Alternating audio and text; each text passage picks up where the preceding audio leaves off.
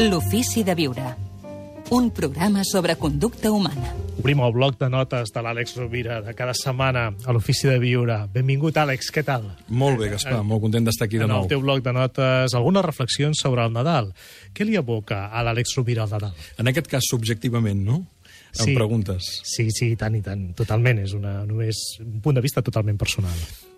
Mira, mm, és un reneixer, no? Jo, més, més enllà de les celebracions que, que, que, que han vingut eh, per la cultura i pel context on, on m'ha tocat viure, probablement pel, pel fet de parlar del solstici d'hivern, pel fet de parlar d'aquesta foscor que tendeix a, a regnar, a dominar en aquestes èpoques de l'any, a mi em suggereix una, una introspecció i un renaixement interior, és a dir, personalment vist les festes com un moment de mirar endins, d'agafar una llibreteta i de fer aquelles reflexions que sovint et passen pel cap però que no n'ets conscient al llarg de l'any i que d'alguna manera eh, sovint esdevenen petites llavors de canvi futur, que quan les deixes per escrit les eh, repasses i, i són petites portes o finestres que et porten a obrir possibilitats a grans canvis de futur. Per tant, en el meu cas, visc aquestes festes com un moment on m'agrada estar molt amb la intimitat de les persones que estimo, de la meva família, del meu entorn més immediat i més proper, dels meus efectes més, més, més sòlids, més de, més de nucli, i sobretot també per un espai de reflexió serena, tranquil·la, donada també per el clima, per la temperatura, per la llum,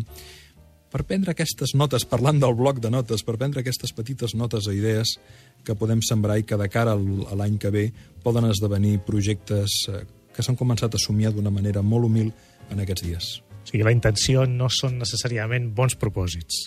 No, no, no, no. És més aquelles reflexions fins i tot per fer balanç d'allò que has après, de, d'allò que vols mantenir, d'allò que vols canviar, eh, ja siguin relacions, hàbits, eh, idees... Eh, crec que és, per mi, responent a la pregunta que em feies, Gaspar, és important no només la pràctica de la meditació diària per, per netejar i oxigenar, fins i tot químicament, eh, tu saps que sempre dic que nosaltres físicament som química, però psíquicament som paraules, no?